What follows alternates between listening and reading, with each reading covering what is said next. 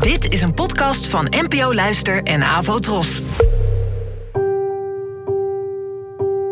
Poëzie vandaag. Met Ellen Dekwits.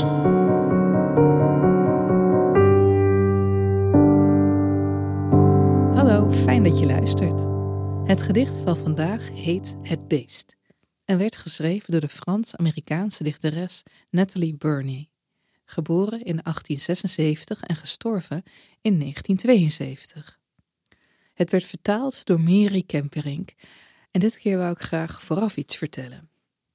Het vers dat je zo gaat horen is een liefdesgedicht, van de ene vrouw tot de ander via expliciete beelden. Het is uh, niet voor gevoelige lezertjes en ik kan me indenken dat het anno 2024 in de staat Florida meteen op de verboden gedichtenlijst zou belanden.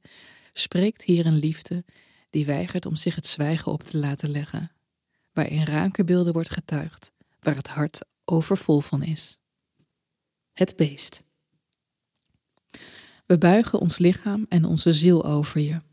Intieme mond, het naaktste van het naaktste, zachte en geheimzinnige plooi van schoonheid, roze schelp waarin de wellust van vrouwen woont.